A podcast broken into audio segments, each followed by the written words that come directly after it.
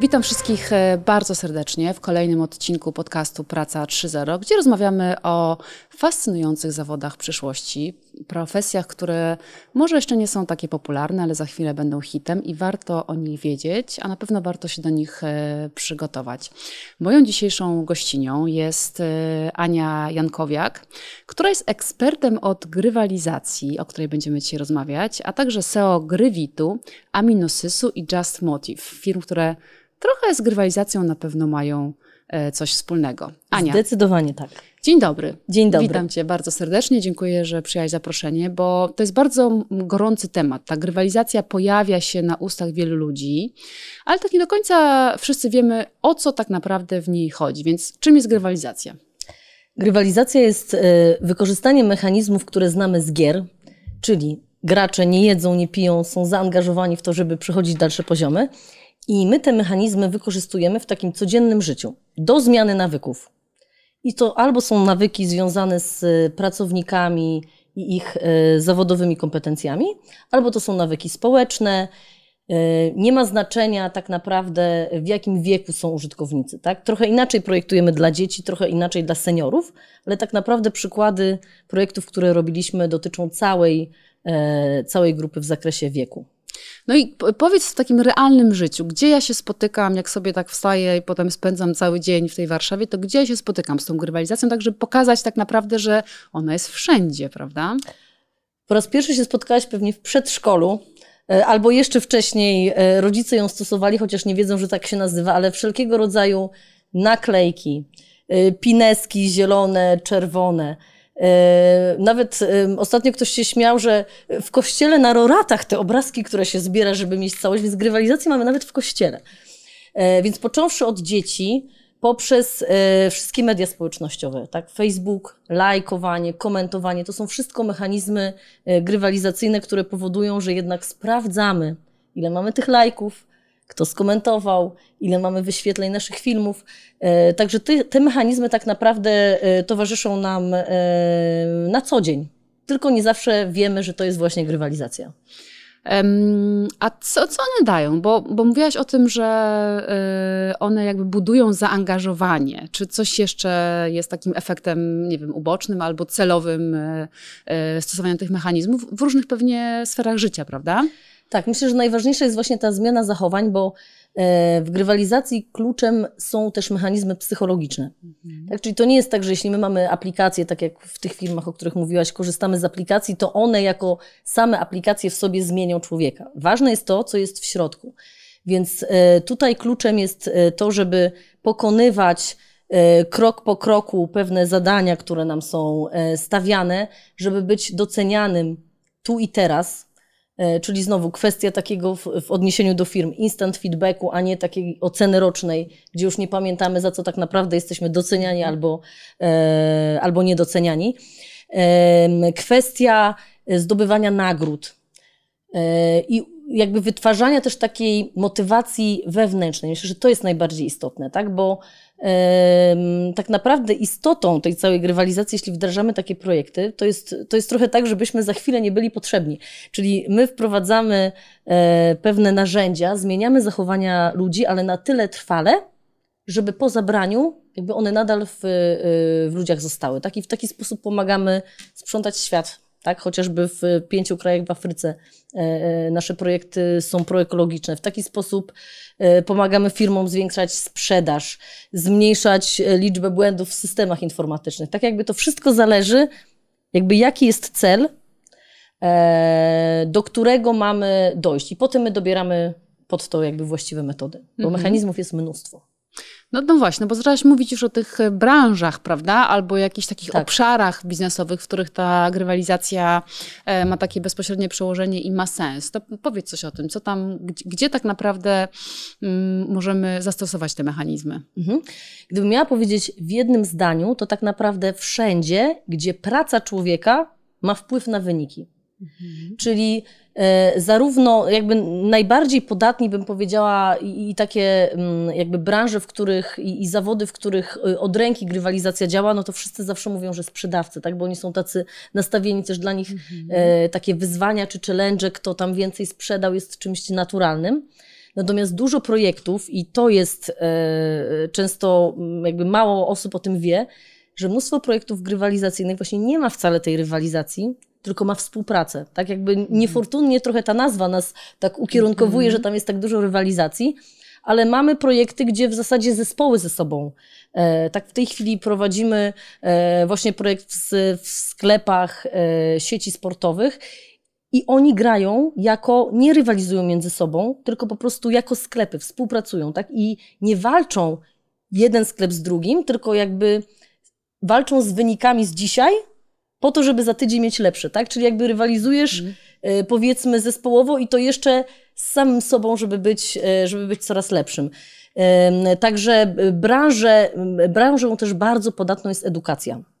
E, Edukacja dzieci, edukacja dorosłych i marketing. Czyli jakby tutaj grywalizację bym podzieliła na te projekty dla pracowników, dla klientów, bo jesteśmy w stanie jako marki też zaangażować naszych klientów, żeby byli naszymi ambasadorami.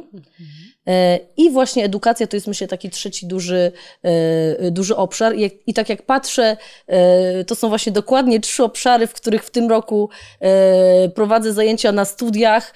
E, I widać właśnie, pytałaś o to, e, na ile też grywalizacja jest, e, jest jakby popularna. Myślę, że robi się coraz bardziej, e, bo dostaję właśnie e, informacje od, e, od prowadzących zajęcia na studiach, że to studenci jakby proszą ich, żeby takie zajęcia były, bo niby o tej grywalizacji się tak dużo mówi, e, ale tak naprawdę nie zawsze wiadomo, jak to stosować e, w praktyce.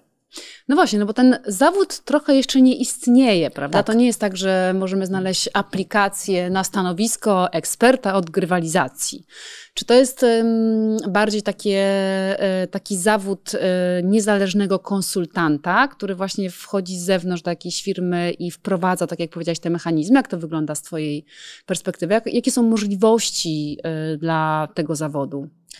Faktycznie y, zawodu takiego y, nie ma na tyle, y, na ile mi wiadomo.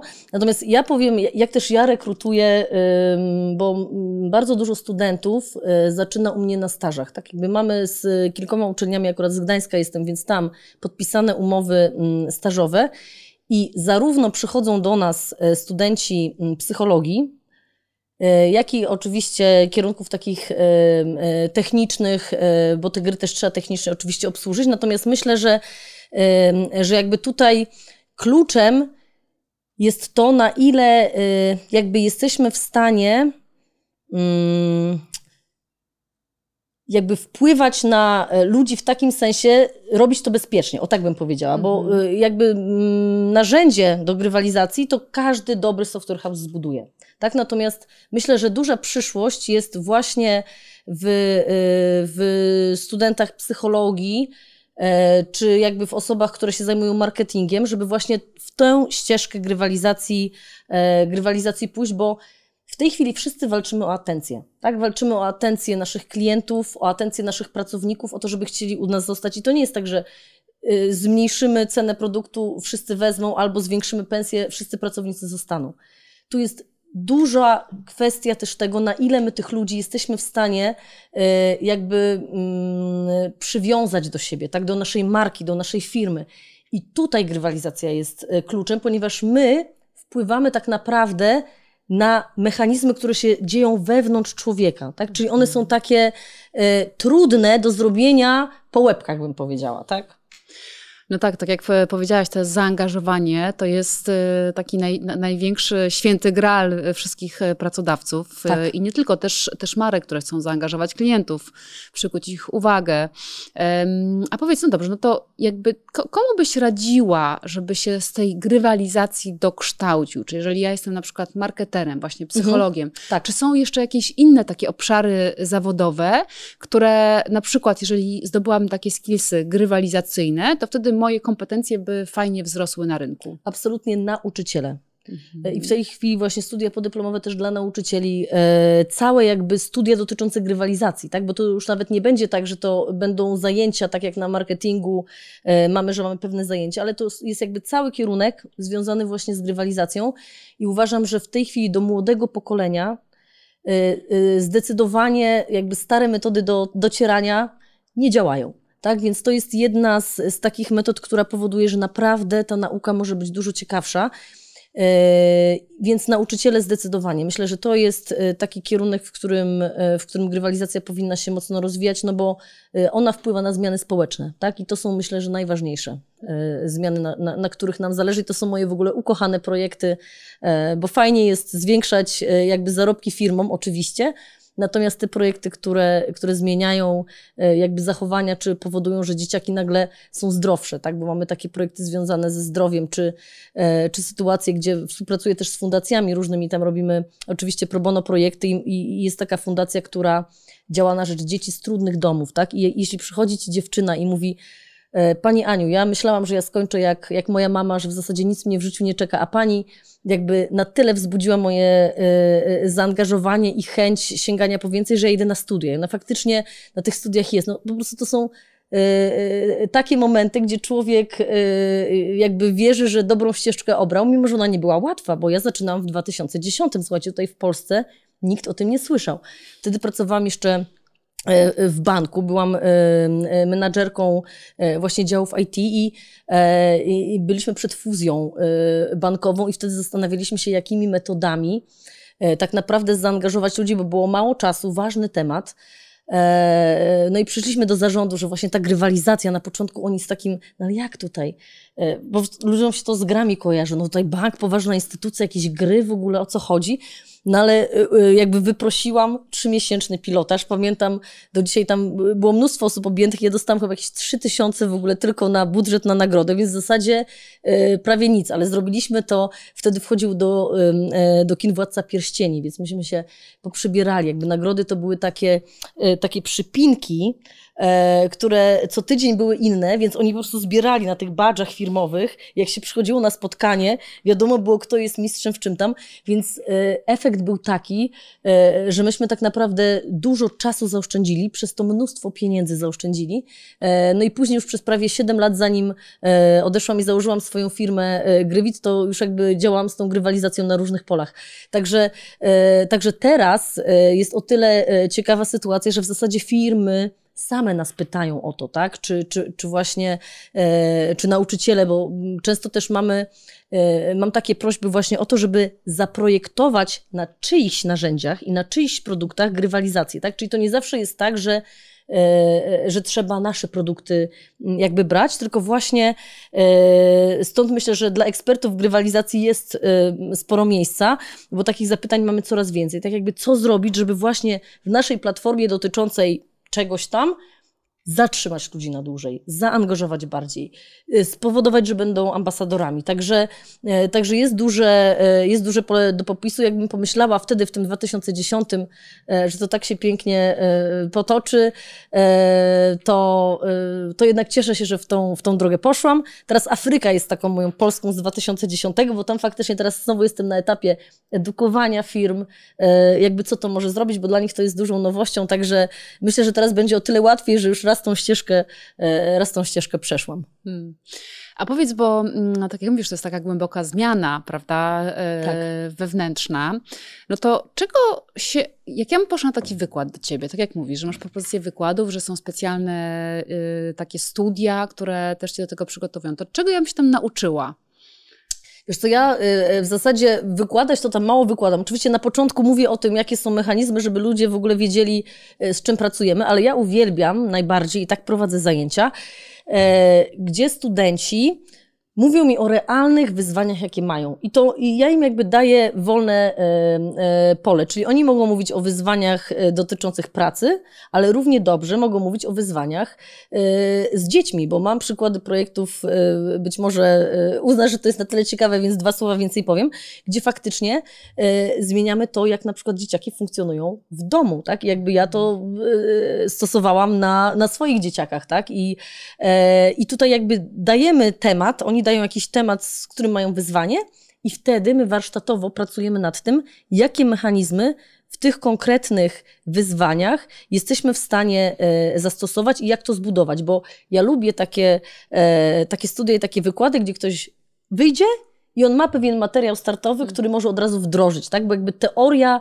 teorią, to można sobie przeczytać książki o grywalizacji, czy, e, czy jakieś inne materiały w internecie, no tylko właśnie jak to wdrożyć, nie? Więc my wtedy e, mówimy o tym, ja im też mówię o tym, jakie będą mieli trudności, bo to też nie jest tak, że wiecie, że to się wchodzi do firmy, mówi się jestem, ja i grywalizacja i po prostu, e, e, wiecie, działa, nie? Samo tylko dlatego, że, że to jest grywalizacja. Czasem e, mam właśnie tak, że klienci mówią, no dobra, to my chcemy wdrożyć grywalizację. Ja tak czekam, aż oni powiedzą, jakby po co, nie? Jakby pytam, no ale po co? No, no chcemy wdrożyć grywalizację, bo ona jest w naszej strategii. I ja sobie no ale po co, jakby, co wy chcecie tym osiągnąć? No bo to, że wpiszecie sobie na stronie, że stosujecie grywalizację, no to jakby y, to nie zmieni y, zachowania waszych pracowników czy klientów. Tak jakby musimy mieć, musimy wiedzieć, co my chcemy, tak? I jakby to są tylko mechanizmy, narzędzia, które stosujemy, ale jak my nie wiemy po co, to znowu nie ma sensu wprowadzać.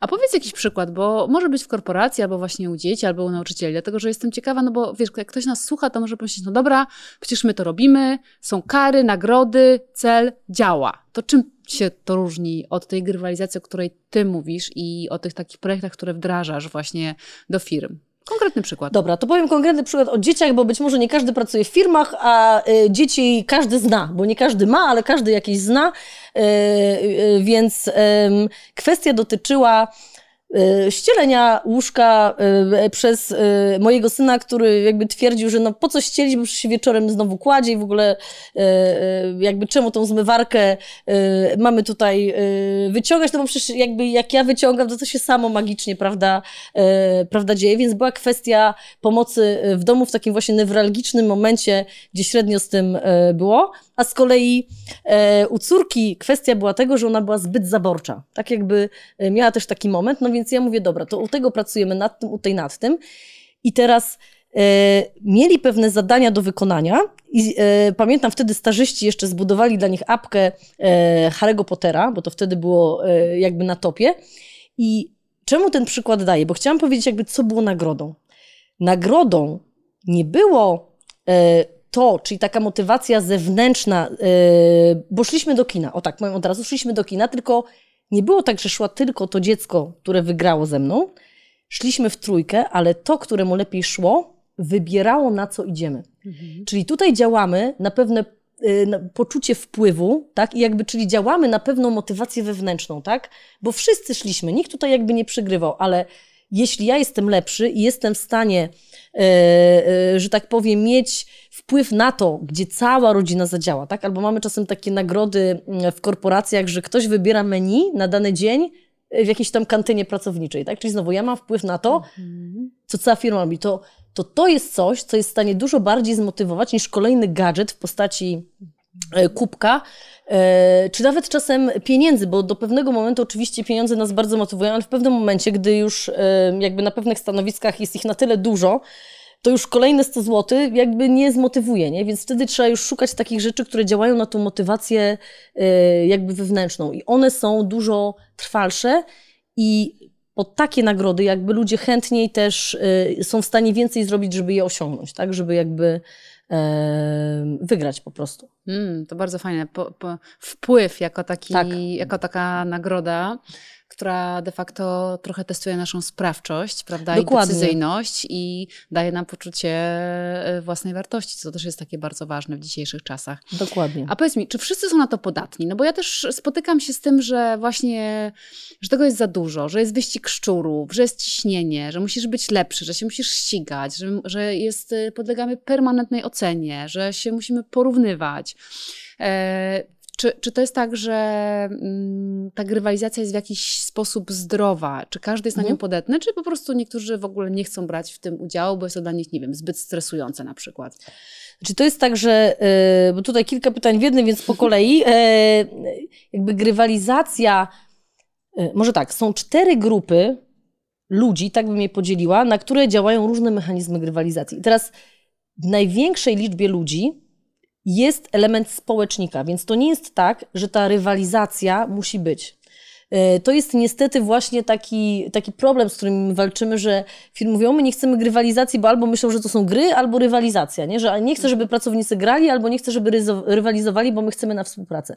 Więc tak naprawdę my tak projektujemy te gry, że jakby działamy na cztery typy ludzi, bo są ludzie, którzy są y, achieverami i oni chcą faktycznie y, gdzieś tam iść dalej i dla nich będą działały na przykład rankingi, tak? Ale są ludzie, którzy mają totalnie w nosie, że on jest tam na końcu w rankingu. Dla niego będzie działało, że oni mogą pewne rzeczy robić zespołowo, bo oni są bardziej społeczni. Na kogoś innego, y, tak zwani eksplorerzy, E, będzie działało to, że, jest, że są kolejne poziomy i oni chcą odkryć, co tam dalej się kryje, tak? Więc jakby, no jest jeszcze czwarty typ, na szczęście ich jest najmniej, to są killersi, czyli ci, którzy mają satysfakcję z tego, że komuś poszło gorzej niż mi. Także jeśli znasz e, jakby te typy, to jesteś w stanie zbudować dany projekt, że jakby zadziałać na pełną e, grupę ludzi. Bo ja jestem jakaś i ty jesteś jakaś, tak? I teraz E, właśnie często do tego też się trzeba nauczyć, żeby nie budować tych projektów pod to, co mnie osobiście motywuje. Bo ja jestem, ja mam jednego z tych typów najwięcej, tak?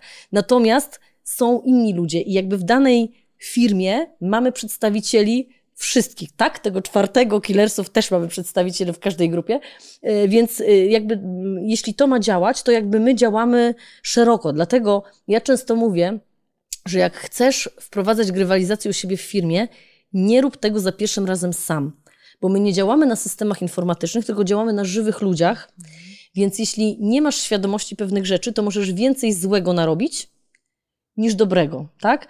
I e, dlatego często lepiej się skonsultować, czy pewne rzeczy jakby są bezpieczne do wdrożenia dla ludzi. Później, jeśli się już ktoś e, e jakby m, mm, nauczy, jak to działa, to zdarzają się sytuacje, że klienci po prostu mówią, dobra, to my już wiemy, my chcemy przejąć jakby e, to zarządzanie tymi projektami sami, bo już wiemy jakby o co chodzi, ale to jest dopiero po tym, jak my ich e, e, jakby nauczymy i wiemy, że oni robią bezpiecznie, nie? Bo bo dużo właśnie takich projektów mówi się o tym, że już ponad 60% firm wprowadziło grywalizację, mówię światowo, tak? Jakby w, u, siebie, u siebie w firmach, ale gros tych grywalizacji jest niestety porażką, bo ludzie to po prostu robią źle, bo właśnie wydaje mi się to, co powiedziałeś. Ja wprowadzę punkty, rankingi, nagrody i ja mam grywalizację. To jest guzik prawda. Ty masz po prostu trzy z mechanizmów punkty, rankingi, nagrody, które tak naprawdę nie są w ogóle e, jakby e, całościowym spojrzeniem na, na zmianę w człowieku i, e, i one bardzo płytko traktują, tak? Dlatego też płytko działają.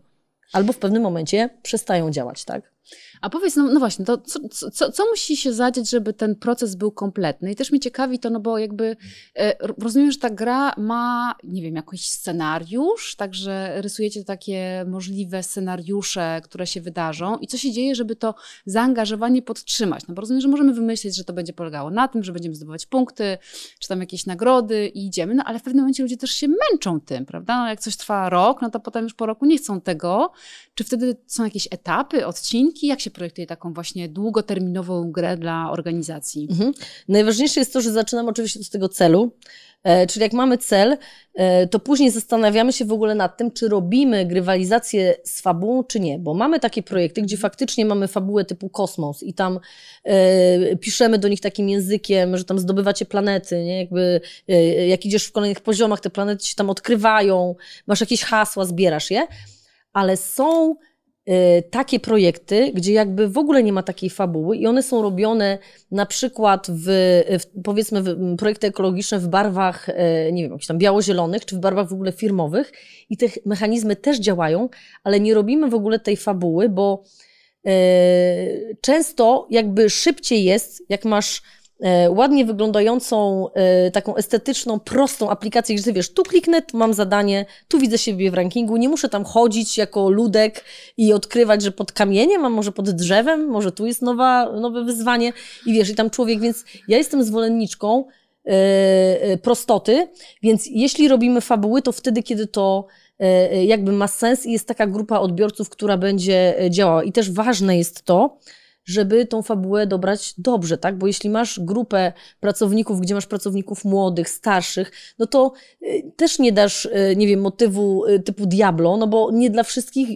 jakby on jest taki, powiedziała, zwolennicy się ucieszą, ale przeciwnicy zupełnie niekoniecznie, tak? Więc to nie jest łatwe, żeby jakby dobrać pewne rzeczy na takiej zasadzie, żeby to, żeby to działało. Natomiast ja bym powiedziała tak procentowo, coraz mniej jest takich fabów, bym powiedziała właśnie, że są historie do tego, tak jakby ludzie wolą e, e, prostotę, bo znowu, żeby e, zanim on by tam doszedł do tego, co on ma zrobić, to musi przejść przez jakimś tam się ludkiem poruszyć. Także dlatego jest różnica między grami, a właśnie grywalizacją, bo u nas kluczem są mechanizmy. My to możemy mieć w ładnie wyglądającej apce w kolorach firmy, gdzie w ogóle nie ma jakby e, jakiejś takiej fabuły mówiącej o historii, e, nie wiem, lotu na księżyc, tak? Także e, drugim elementem jest właśnie jakby zdecydowanie się na to. No i później, jak mamy już cel, to ustalamy, jakie e, zachowania w ludziach chcemy zmienić i wtedy pod to budujemy moduły, zadania, zastanawiamy się, czy będą rankingi indywidualne, a może będą tylko zespołowe, yy, ile dajemy poziomów, potem cała mechanika punktowa, to jest bardzo trudne. Czasem yy, klienci mówią, Boże, my to jeszcze to, to sobie poradzimy, ale z tym jak to wyliczyć, bo wiecie, to są często budżety na nagrody, więc żeby nie było za łatwo, żeby nie było za trudno, yy, jak to przewidzieć. Także ja myślę, po już kilkunastu latach doświadczenia nam jest jakby dużo łatwiej. Ale tak naprawdę my działamy właśnie warsztatowo, tak? Czyli jakby dopóki nie ustalimy całej koncepcji i mi zespół w danej firmie, gdzie mamy y, i ludzi, nie wiem, od produktu i od marketingu y, i tak dalej, i tak dalej, nie powiedzą, tak, to jest to, co my chcemy, to ja w ogóle się nie, nie zabieram za budowanie y, aplikacji, no bo wiadomo, no, na późniejszym etapie jest coraz trudniej, coraz drożej pewne rzeczy zmieniać. Tak, także mamy taką koncepcję na zasadzie burzy mózgów, no bo my mamy wiedzę o grywalizacji, ale nie mamy jakby wiedzy o tym, jak wewnętrznie pracuje firma. Dlatego e, na takich jakby warsztatach zawsze pracujemy razem, tak? Ja mówię o tym, słuchajcie, jak będziecie mówić mi wprost, często mówię, ja NDA mogę podpisać już na starcie. Jeżeli będziecie mi mówić wprost o tym, jakie macie wyzwania naprawdę z pracownikami, co się dzieje i tak dalej, to wtedy my pod to jesteśmy w stanie zaprojektować właściwe rozwiązania. Jeśli będziecie ściemniać, że jest dobrze i tak w sumie ta grywalizacja to w zasadzie nie jest potrzebna, żeby jakieś problemy załatwić, no to, no to jest dużo gorzej, tak? A mm, gdybym miała powiedzieć o, o liczbach, bo pewnie część ze słuchaczy lubi takie mięcho, no to powiem e, parę liczb jakby na bazie e, naszych już tutaj długoletnich doświadczeń, jak właśnie grywalizacja wpływa na konkretne efekty biznesowe. To gdybyśmy mieli to tak Y, uśrednić, to y, aktywnych użytkowników w naszych aplikacjach, wśród całej grupy, bo mówiłaś, czy to jest dla wszystkich, to, to odpowiadam na to pytanie. Mamy średnio 87%, mhm. chociaż firmy technologiczne mamy takie, gdzie 99% pracowników bierze w tym udział z wiadomych względów, tak jakby to jest dla nich naturalne środowisko, ale gdybyśmy mieli całą, cały pakiet wziąć, to 87% ludzi wchodzi i aktywnie bierze udział. Pozostali nie jest to dla nich i ja też jakby nie walczę i mówię zawsze klientom, jak coś jest dla wszystkich, jak coś jest od wszystkiego, to jest jakby y, do niczego, więc, więc nie ma jakby y, złotego środka, który będzie działał nam na 100% społeczeństwa. Ale to jest liczba, jeśli chodzi o aktywność. Jeśli chodzi o zwiększenie efektywności pracy, to średnio 68% zwiększamy. Jeśli chodzi o zwiększanie sprzedaży, średnio 32% zwiększamy sprzedaż. Jeśli chodzi o zwolnienia lekarskie, średnio 21% zmniejszamy. Mhm. I to właśnie tutaj te projekty takie prozdrowotne mają na to e, mocny wpływ. jeśli chodzi o wdrażanie nowych pracowników, to średnio 25% skracamy ten czas, w którym e, pracownik od momentu przyjścia jest produktywny. Więc niech każdy sobie teraz policzy, jakie ma budżety na te różne rzeczy i niech sobie te procenty, o których jak powiedziałam, przemnoży, i wtedy niech sobie stwierdzi, czy warto przynajmniej zainteresować się tym tematem, czy grywalizacja w ich obszarze może, e, może zadziałać. Tutaj widzę, jak, czy, jak nasi słuchacze, wiesz, wyciągają kalkulatory, kalkulatory tak. i sprawdzają, ile zaoszczędzą, ile mogą wydać i zainwestować w to.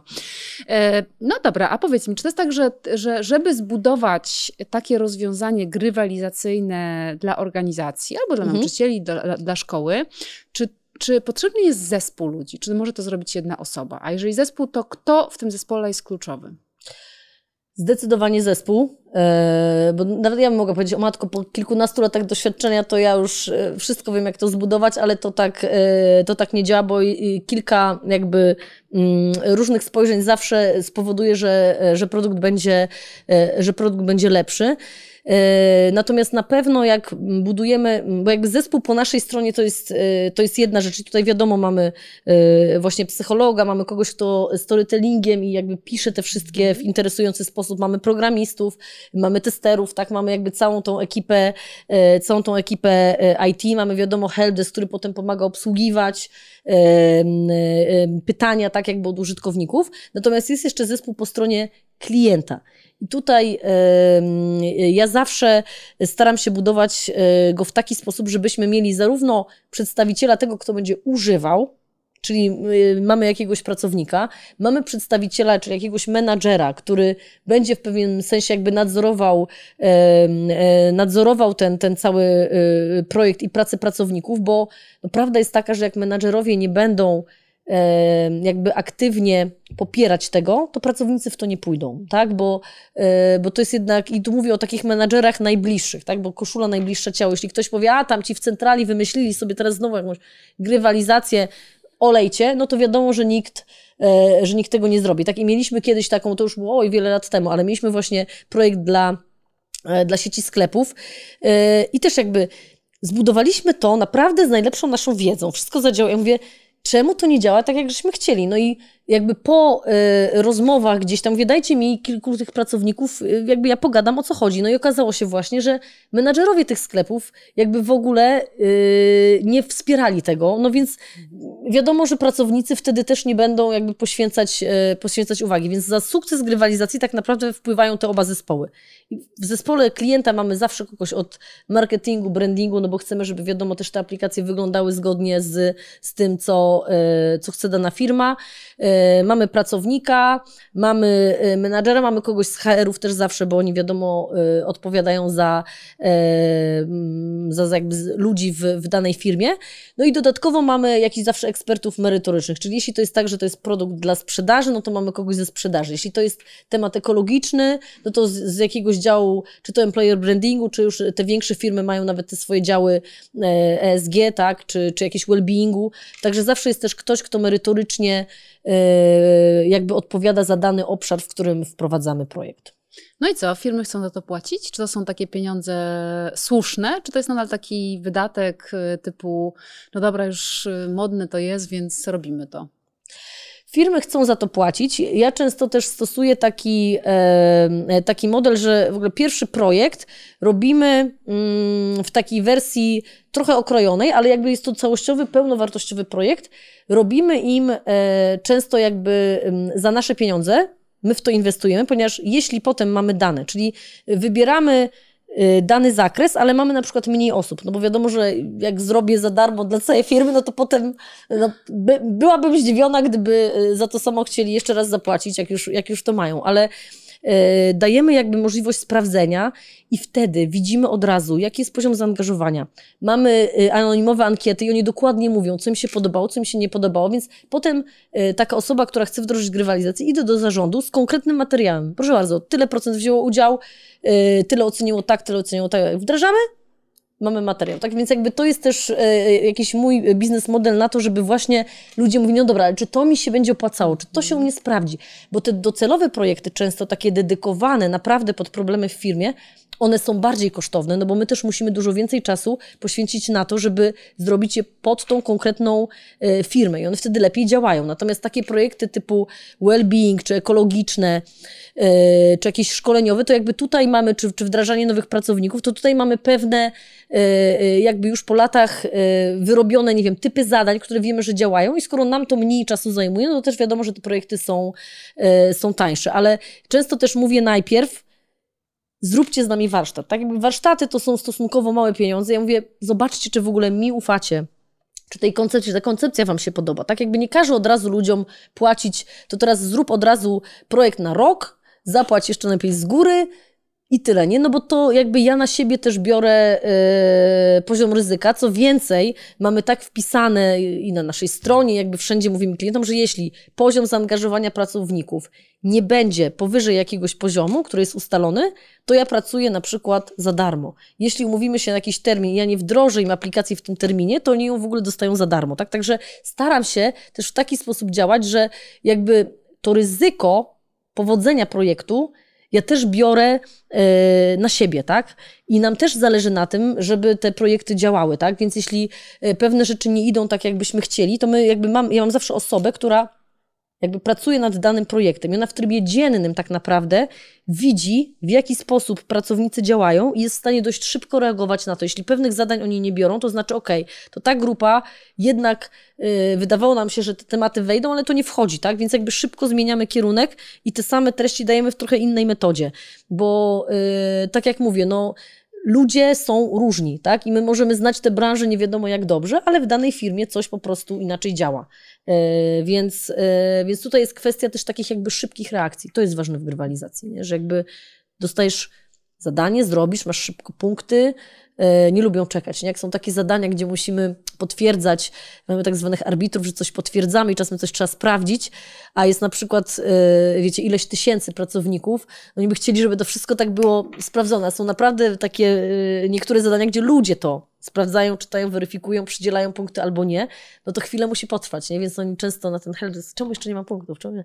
Więc jakby faktycznie się wkręcają, e, albo czasem jest tak, że e, jakby e, importujemy, jest jak ja mówię, importujemy, zakładamy konta ludziom do gry powiedzmy dzień wcześniej i do nas już piszą na naszą stronę Grywit w ogóle, Zlogowałam się, nie mam zadań. Ja mówię, no dobrze, ale jakby od jutra zaczynamy, a ci ludzie już, wiesz, stoją w przedbiegach i oni chcą. Także Myślę, że proces też, to też jest e, istotne, zawsze są tacy ludzie, którzy na starcie są w ogóle na maksa na tak, ale zawsze są też tacy, którzy sobie obserwują, nie? patrzą trochę jak to wygląda, jak tamci ich tam zachęcą, to wtedy oni idą jakby w drugiej turze, ale to wszędzie tak mamy, tak? Jakby są ci, którzy e, iPhony kupują jakby od razu w pierwszym dniu, a są ci tacy, którzy trochę spadnie cena i tak dalej, jest za chwilę, tak? Także myślę, że, e, e, że to też jest jakby taki, taki mechanizm, że często mówimy klientom, to nie jest tak, że my wam taki poziom ludzi osiągniemy e, po trzech dniach, tak? Bo jedni potrzebują trochę więcej czasu, żeby, żeby że tak powiem, dotrzeć, nie? Do, do tego, że chcą tak naprawdę grać. Czyli to w sumie jest bardziej usługa niż produkt, no bo wy musicie jakby nawet jeżeli to jest produkt, to musicie go obsługiwać w jakiś sposób, prawda? Tak. I to jakby się ciągnie Zdecydowanie tak, chociaż mamy część takich klientów, którzy na przykład robią swoje szkolenia takie mocno y, zawodowe i oni potrzebowali narzędzia i naszego przeszkolenia i oni to sobie jakby Y, merytorykę znają świetnie, więc sobie to prowadzą i te zadania są w stanie sami wymyślać, natomiast myśmy ich nauczyli jakby tych technikaliów, bo to nie jest też trudne, tak? My mamy pewien taki powiedzmy moduł pod klientów robionych, że oni nie muszą programować, żeby umieć to obsługiwać, tak? Także y, tutaj, y, ale bym powiedziała, że zdecydowana większość to są naprawdę pojedyncze przypadki, które robią to same, bo to jednak trzeba się na tym znać i trzeba mieć czas, tak? Więc jeśli ktoś ma Y, tutaj przyoszczędzi na, na tych osobach, ale tak naprawdę musi u siebie w organizacji znaleźć ludzi, którzy muszą to zrobić, a najczęściej mają jeszcze inne zadania oprócz tego i wtedy robi się to po łebkach, tak? Więc, y, więc najczęściej jednak jest faktycznie to brane jako usługa w całości. A taki najtrudniejszy problem, z którym y, zgłosił się do ciebie klient? Najtrudniejszy problem, z którym zgłosił się klient. O! Kradzieże. Aha, ciekawe. Kradzieże, y, tak jakby kradzieże paliw, y, takie były, no. Rozwiązany? Rozwiązany. Tam też była kwestia bezpieczeństwa, y, zmniejszenia wypadków na drogach, także faktycznie taka branża mocno, mocno trudna i ktoś by powiedział, jak to jest w ogóle możliwe, że tam grywalizacja zadziałała. Tak? No, były te pierwsze rozmowy, się zastanawiali w ogóle, nie wiemy, czy to zadziała. Czy to... Mówię, dobrze, to sprawdźmy, to my mamy teraz okres świąteczny, my Wam zrobimy taki pilotażowy program ekologiczny, bo to wiecie, sami kierowcy, sami panowie. Zrobimy, zobaczycie, jaki był odzew i wtedy jakby będzie decyzja do rocznego projektu e, takiego już trudniejszego. No i faktycznie poszedł ten pilotaż fajnie i jakby projekt zrobiliśmy, także także myślę, że tak, to taki temat, e, to takie tematy grube. Ja myślę, że już w ogóle wszyscy są zachęceni do tego, że to jest temat, który jest fascynujący i daje mnóstwo ciekawych takich przypadków do rozwiązania. A powiedz tak naprawdę, jeżeli ja bym chciała być taką osobą, takim ekspertem, albo e, mieć tą kompetencję, którą sobie dołożę do obecnego zawodu, to czy ja muszę mieć jakieś konkretne umiejętności, talenty? Takie osobowe? Czy każdy tak naprawdę może to robić?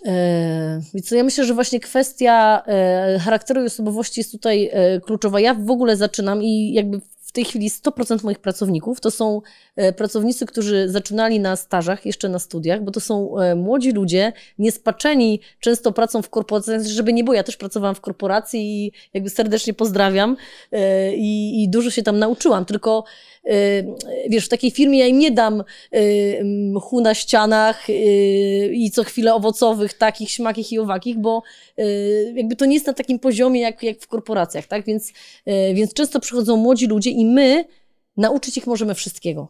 Tak, bo jakby, yy, tak jak powiedziałaś, to nie jest tak, że ja napiszę, szukam eksperta do spraw grywalizacji i nagle mi się w Trójmieście zgłosi ilość. Nie, tak naprawdę ci, którzy się znają na grywalizacji w Trójmieście, w zasadzie jesteśmy yy, no jedyną taką firmą, przynajmniej tak yy, znaną i tak długo istniejącą, no to, są ci, których przeszli gdzieś tam przez, yy, przez nasze ręce, tak? I yy, więc my sobie ich sami kształcimy.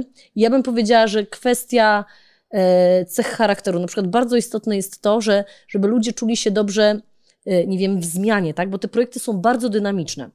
To nie jest tak, że jak ja robię projekt na rok albo na pół roku, to ja już projektuję zadania na pół roku. Nie, ja projektuję dopiero tylko na pierwszy miesiąc i potem w zależności od tego, jak pracownicy, czy, dzie czy dzieci w szkołach, czy ktokolwiek jak reagują, to dopiero budujemy kolejne. I teraz często się okazuje, że te plany się zmieniają, więc to musi być ktoś, kto dobrze się czuje w, taki, w takim temacie zmiany. No pomijając to, że klienci zmieniają często, y, to było na ten miesiąc, bo mam oczywiście spotkania, nagle się okazuje, że ważny temat się wydarzył w firmie, no bo teraz co chwilę jakieś rzeczy się wyskakują, y, no i nagle mamy zmienić, nie? Więc jakby to jest często tak, że y, jest hasło od klienta i ty w zasadzie siadasz, zmieniasz i za dwie godziny musi coś być w aplikacji, tak? Bo jest temat na tyle ważny. Więc jeśli ktoś po prostu nie lubi takiej pracy, on musi być uporządkowane i zawsze wiedzieć, no to on się nie odnajdzie, myślę, w takim, e, w takim temacie. Natomiast bym powiedziała, że e, nie ma też czegoś takiego, że ktoś musi mieć konkretne wykształcenie, żeby na przykład e, być przyjętym. Nie?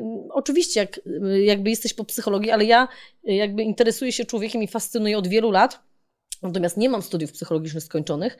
E, natomiast mogę powiedzieć, że jakby dobrze projektuję grywalizację. Oczywiście zawsze mam jakiegoś psychologa, który w razie czego to jakby na to patrzy, ale kwestia takiego też e, jakby e, umiejętności pracy z ludźmi i angażowania ich e, generalnie do czegokolwiek, tak? Więc jakby często mam pracowników, którzy byli e, właśnie, nie wiem, w drużynie jakimś tam e, koszykarskiej grali, tak? I jakby byli w stanie, byli w stanie jakby tam ciągnąć ludzi za sobą, to tutaj też będą w stanie, nie? Także myślę, że cechy charakteru to jest jednak ta kluczowa rzecz. Ja to na stażach sprawdzam przede wszystkim.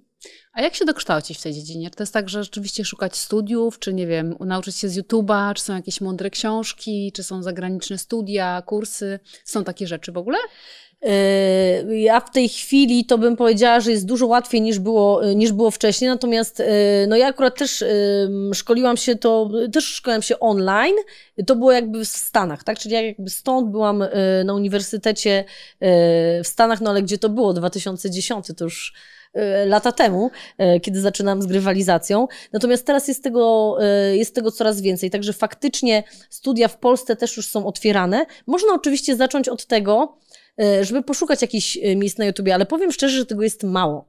Właśnie często e, ludzie mówią, opowiedz nam, albo na przykład do mnie piszą w ogóle e, ludzie, którzy piszą pracę na temat, studenci, tak, którzy są niekoniecznie nawet są na tych kierunkach, ale są na przykład na kierunku jakimś tam i chcą napisać o y, wpływie grywalizacji na ich konkretny jakiś tam obszar merytoryczny. No i często piszą, Pani Aniu, czy coś tam Pani podpowie, czy to jakieś wyśle materiały, bo tego mało, y, albo czy możemy do Pani na jakiś kurs tam przyjść. Ja często mówię, jasne, jak mam jakieś otwarte, zapraszam, bo uważam, że to ma tak dużą siłę rażenia, nawet w domach, nie tak jak mówię, gdzieś tam z dziećmi, z partnerami, z oni często nie wiedzą, że oni podlegają tym mechanizmom, ale to tak po prostu działa, nie? Jak chcemy... Y, jest coś takiego, że między motywacją a manipulacją jest bardzo cienka granica. I też jakby chcę powiedzieć wprost o tym, że zdarzają się mm, przykłady wykorzystania grywalizacji na przykład w Chinach, to co jest e, robione, które nie, nie są pozytywnymi przykładami. Tak? I to też chcę, żeby wybrzmiało, żeby nie było po tym naszym spotkaniu tak, że w ogóle e, to jest tylko wszystko dobre i zawsze działa dobrze. Jakby to wszystko zależy, jaką masz intencję i jak ten, kto projektuje te projekty, na ile jest jakby etyczny i na ile nie pozwoli robić pewnych rzeczy. Bo ja pewnych projektów bym nie wzięła. Tak jakby, jeśli ja już widzę, że ktoś próbuje na spotkaniu na przykład namówić mnie do tego, żeby on mógł manipulować ludźmi, to ja takich projektów nie biorę, tak? Bo jakby e, ja nie chcę odpowiadać na to, że e, wiecie, działam na żywym człowieku i tutaj jakby stosuję jakieś mechanizmy e, manipulacji. Jestem jakby właścicielką, więc o tyle mam dobrze, że mogę, mam prawo jakby wybierać pewne projekty, a pewnych nie. Natomiast to jest na pewno ważne. Nie? Ja myślę, że i też dlatego mm, tak sprawdzam tych moich ludzi, żeby jakby w taki sposób budowali, żeby to było właśnie etyczne, bezpieczne, bo można pójść w drugą stronę i naprawdę przegiąć. Bo ludzie za to jakby no, manipulacji podlegają, tak? Niestety. No, podlegają i podlegali, pewnie podlegać e, będą. będą, ale no właśnie, powiedz jaka jest przyszłość, no bo jakby, tak jak mówisz, to jest potężne narzędzie, które trochę nieświadomych ludzi jest w stanie zmobilizować do robienia różnych rzeczy, prawda?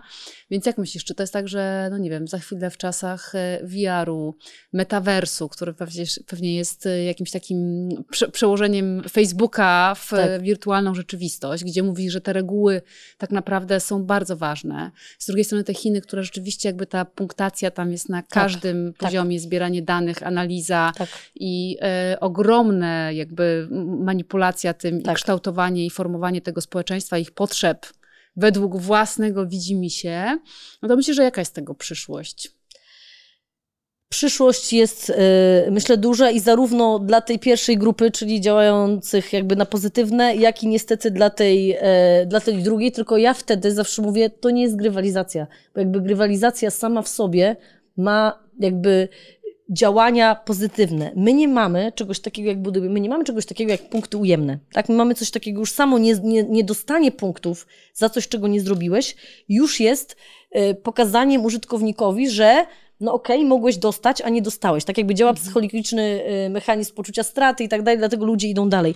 My nie mamy czegoś takiego jak jakby y, karanie punktami ujemnymi. No jeśli ktoś oszukuje w grze, to po prostu y, jakby może być zdyskwalifikowany całkowicie, ale tu nie mówię o takich przypadkach. Natomiast nie ma czegoś takiego, tak jak mówimy o tym kwestii, że nie wiem, przejdziesz na czerwonym, punktu ujemny i tak dalej. To nie jest grywalizacja. To już jest wtedy właśnie stosowanie punktów, rankingów, nagród, kar, a nie grywalizacja, tak jak ona została e, e, jakby zbudowana tutaj, e, jaka była jej pierwotna funkcja. Natomiast zaangażowanie będzie coraz bardziej kluczowe. Młode pokolenie, które wchodzi, to jest tak naprawdę, to jest nawet case, mówię, teraz jak, jak wdrażamy w sklepach, tam są coraz młodsi pracownicy, to to jest temat, który oni powiedzieli od razu, wow, tak, my chcemy tego spróbować, ponieważ my wiemy, że musimy mieć inne metody na coraz młodsze pokolenie pracowników, nie wiem, uczniów, tak, dzieci, jeśli mówimy o, o, o jakby grywalizacji w takiej domowej. Więc ten y, trend się będzie rozszerzał ja mam nadzieję i bardzo się cieszę z tego, że coraz więcej tych kierunków y, jakby na studiach się, y, się otwiera i ludzie chcą się tego nauczyć robić dobrze, bo naprawdę można, można tym narzędziem krzywdzić, tak, jeśli się to robi nieumiejętnie. Więc dokształcajmy się. Jeśli ktoś ma ochotę, ja też bardzo chętnie zawsze podpowiem, doradzę, podzielę się jakąś, jakąś wiedzą, bo myślę, że tutaj siła rażenia taka pozytywna może być olbrzymia. No my jesteśmy w stanie ratować, że tak powiem, życia czy zdrowie ludzi, tak, mówię o tych chociażby afrykańskich projektach, to to naprawdę są, są projekty mające duży wpływ, tak? Tylko trzeba to robić dobrze. Ania, bardzo Ci dziękuję. To jest jakby bardzo, y, bardzo fantastyczny obraz narzędzia, które rzeczywiście mogłoby przejść na tą ciemną stronę mocy. Ale z tego, co mówisz, to mi się bardzo podoba to, że to nie jest tylko rywalizacja, tylko to jest trochę rozwój siebie albo naszej grupy, prawda? Tak. Czyli na koniec y, trochę nie ma tych przegranych, tak jak powiedziałaś, y, ale mogą być wygrani. Wydaje mi się, że to jest bardzo, bardzo ważne. Bardzo Ci dziękuję. Pięknie dziękuję za zaproszenie.